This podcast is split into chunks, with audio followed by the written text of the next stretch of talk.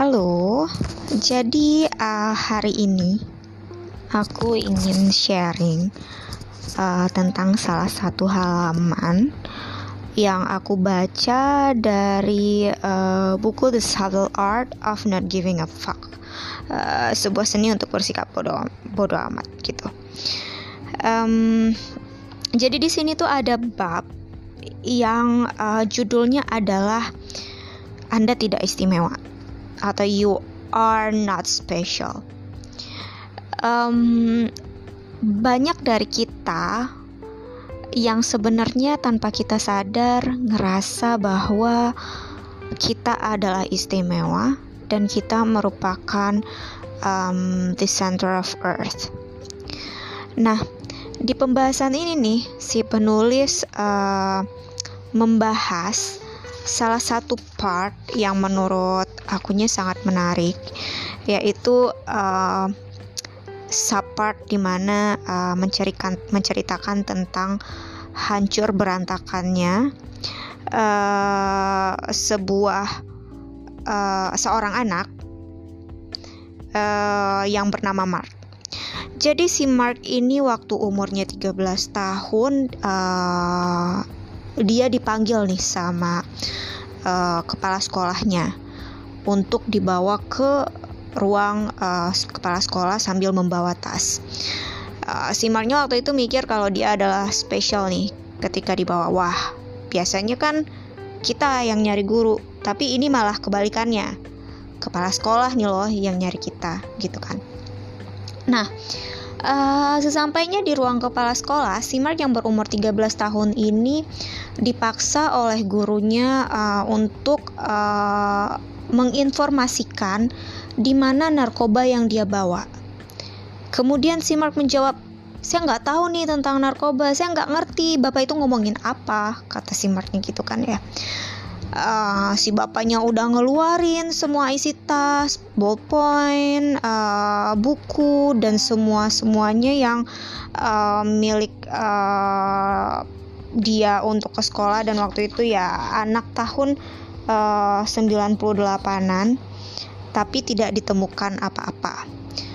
Kemudian sampai akhirnya si kepala sekolahnya nyerah dan akhirnya si Mark ini uh, meninggalkan ruangan tapi ternyata di bawah dasar tas si Mark ini si kepala sekolahnya sebelum dia keluar manggil lagi Mark ini apa? gitu loh. Jadi akhirnya ditemukan ada uh, narkoba nih disembunyiin di bawah um, tasnya dia gitu di dalam tasnya di bagian bawah tuh.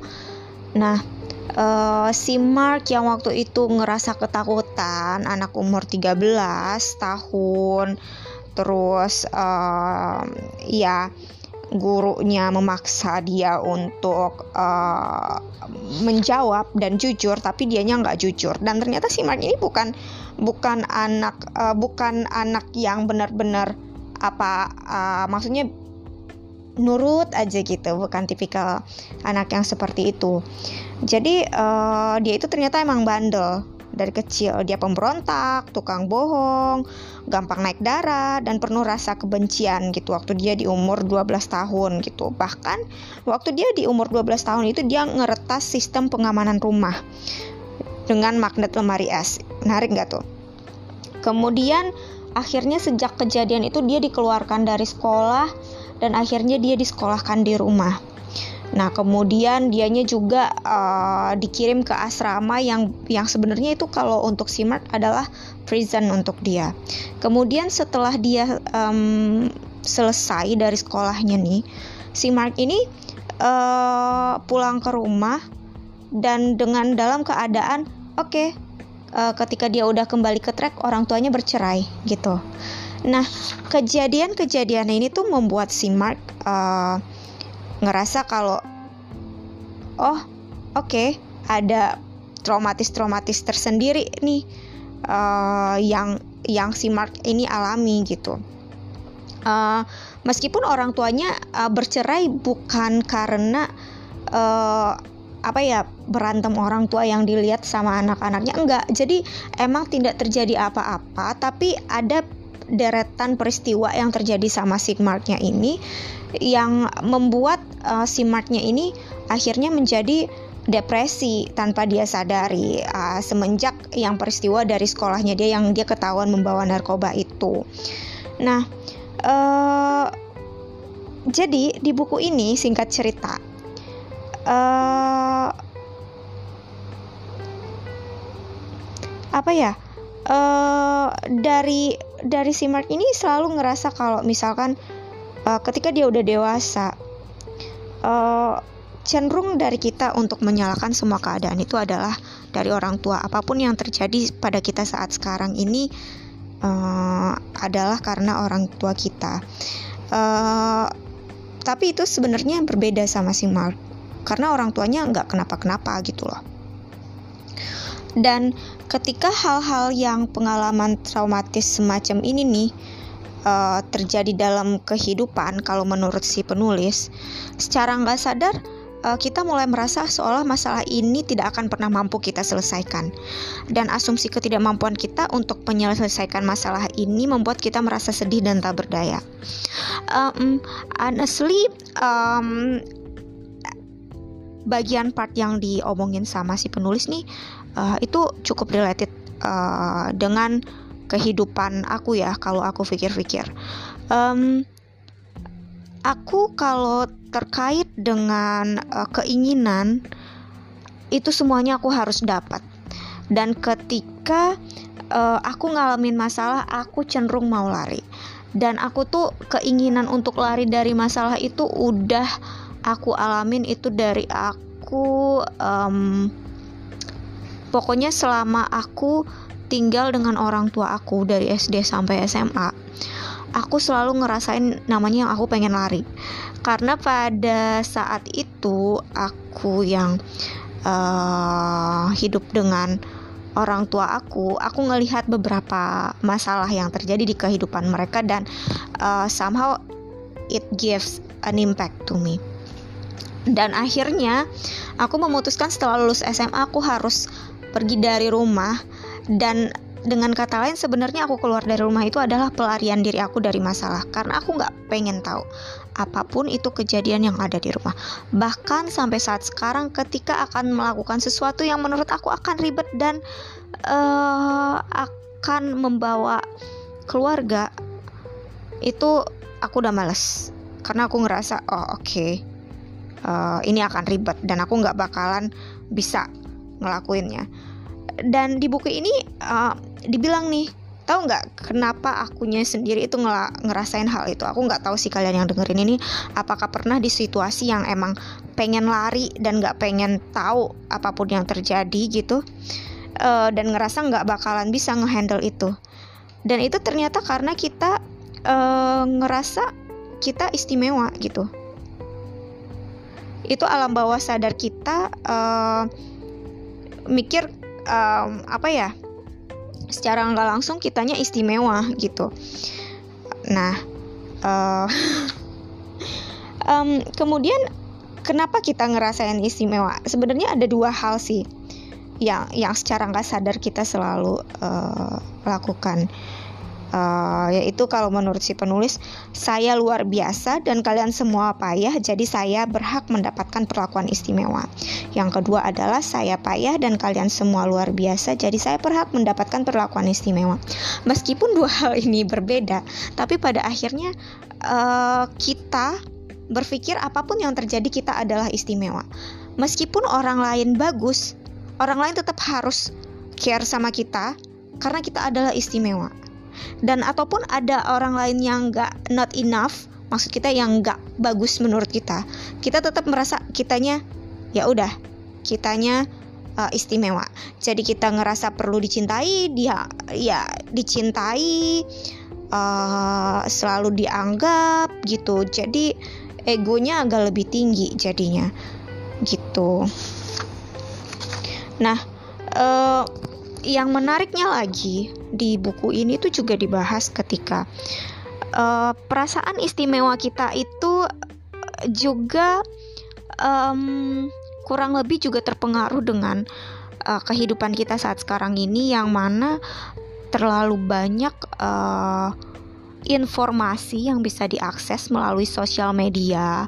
Kita bisa akses berbagai macam sosial media dan dari sosial media itu tersebut itu sendiri kita bisa melihat orang-orang yang uh, wah kehidupannya, kemudian kita ngerasa kita nyangka spesial.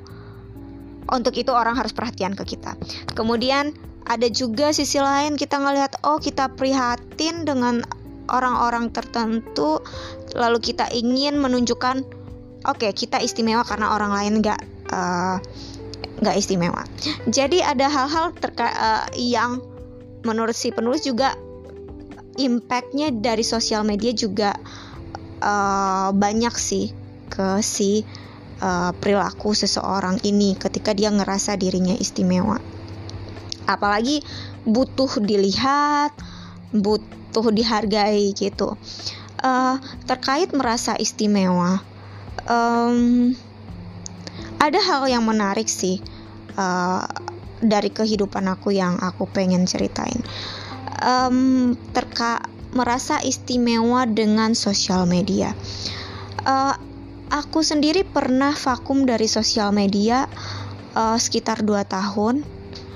Uh, dan itu dikarenakan uh, akunya ngerasa I'm not special gitu gitu um, ini kebalikan banget ya sama yang sama yang ditulis di buku karena yang ditulis di buku sih karena kita terlalu ngerasa kita spesial gitu. Tapi bisa jadi sebenarnya yang aku rasain itu bukan karena aku ngerasa I'm not special gitu. Justru mungkin karena aku ngerasa aku spesial makanya aku butuh perhatian dari orang-orang yang ada di sosial media. Jadi as awal mulanya adalah um, ini karena uh, ada satu momen dalam kehidupan aku, uh, let's say my birthday. Uh, kemudian aku pengen orang-orang ngucapin selamat ulang tahun ke aku dan orang-orang notice karena ulang tahun itu ulang tahun aku itu very specific and everyone menurut aku bisa reminded um, very easily gitu. Tapi it turns out nggak sesuai dengan pengharapan akunya. Dan di situ aku ngerasa kayak oh orang-orang nggak care sama aku. Tapi setelah baca buku ini pandangan aku yang aku pikir oh orang-orang gak care sama aku karena gak ngucapin selamat dan lain-lain itu sebenarnya adalah uh, hal hal yang bertolak belakang. Pada akhirnya uh, aku mikir aku pengen orang melakukan uh, dan mengucapkan selamat ataupun apa pun lah komenan yang ada di sosial media aku karena aku spesial dan karena aku istimewa. Jadi everyone need to see me. So uh, ada banyak hal-hal sih menurut aku yang uh, ditulis di buku ini yang kurang lebih ya uh, membuat aku ngerasa ya udah nggak usah terlalu dipikirin gimana gimananya ya that's what it is gitu. You are not that special. Kamu nggak sespesial itu. Ya dan kamu nggak usah berharap apa-apa dari apa pun yang kamu lakukan. Maksudnya, let's say kamu ngebantu orang atau let's say kamu ngeposting sesuatu ataupun melakukan hal-hal lainnya, kamu nggak usah berharap timbal balik dari orang. Ya udah, ya udah aja gitu, gitu sih. Oke, okay, um, ini tema tentang um, you are not special uh, di podcast hari ini. Um, mungkin nantinya aku akan ngebahas lagi uh, isi-isi lain dari buku ini yang menurut aku juga uh, menarik untuk dibahas dan aku yakin banget sih semua yang ada tulisan yang ada di buku ini tuh sangat menarik dan um, akan sangat bagus jika akunya bisa share ke teman-teman. Oke, okay, see you guys.